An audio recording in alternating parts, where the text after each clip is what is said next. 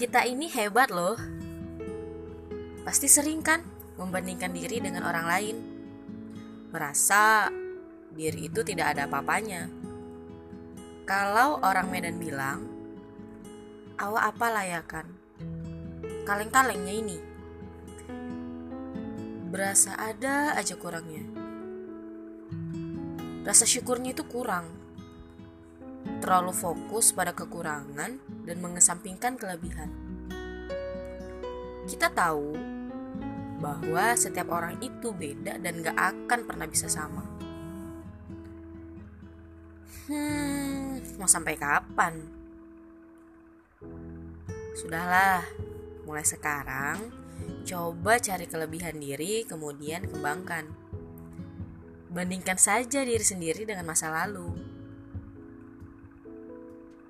apa ya perbedaan diriku dulu dengan sekarang?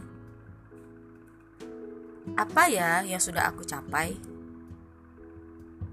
Selamat mencoba dan selamat menjadi hebat.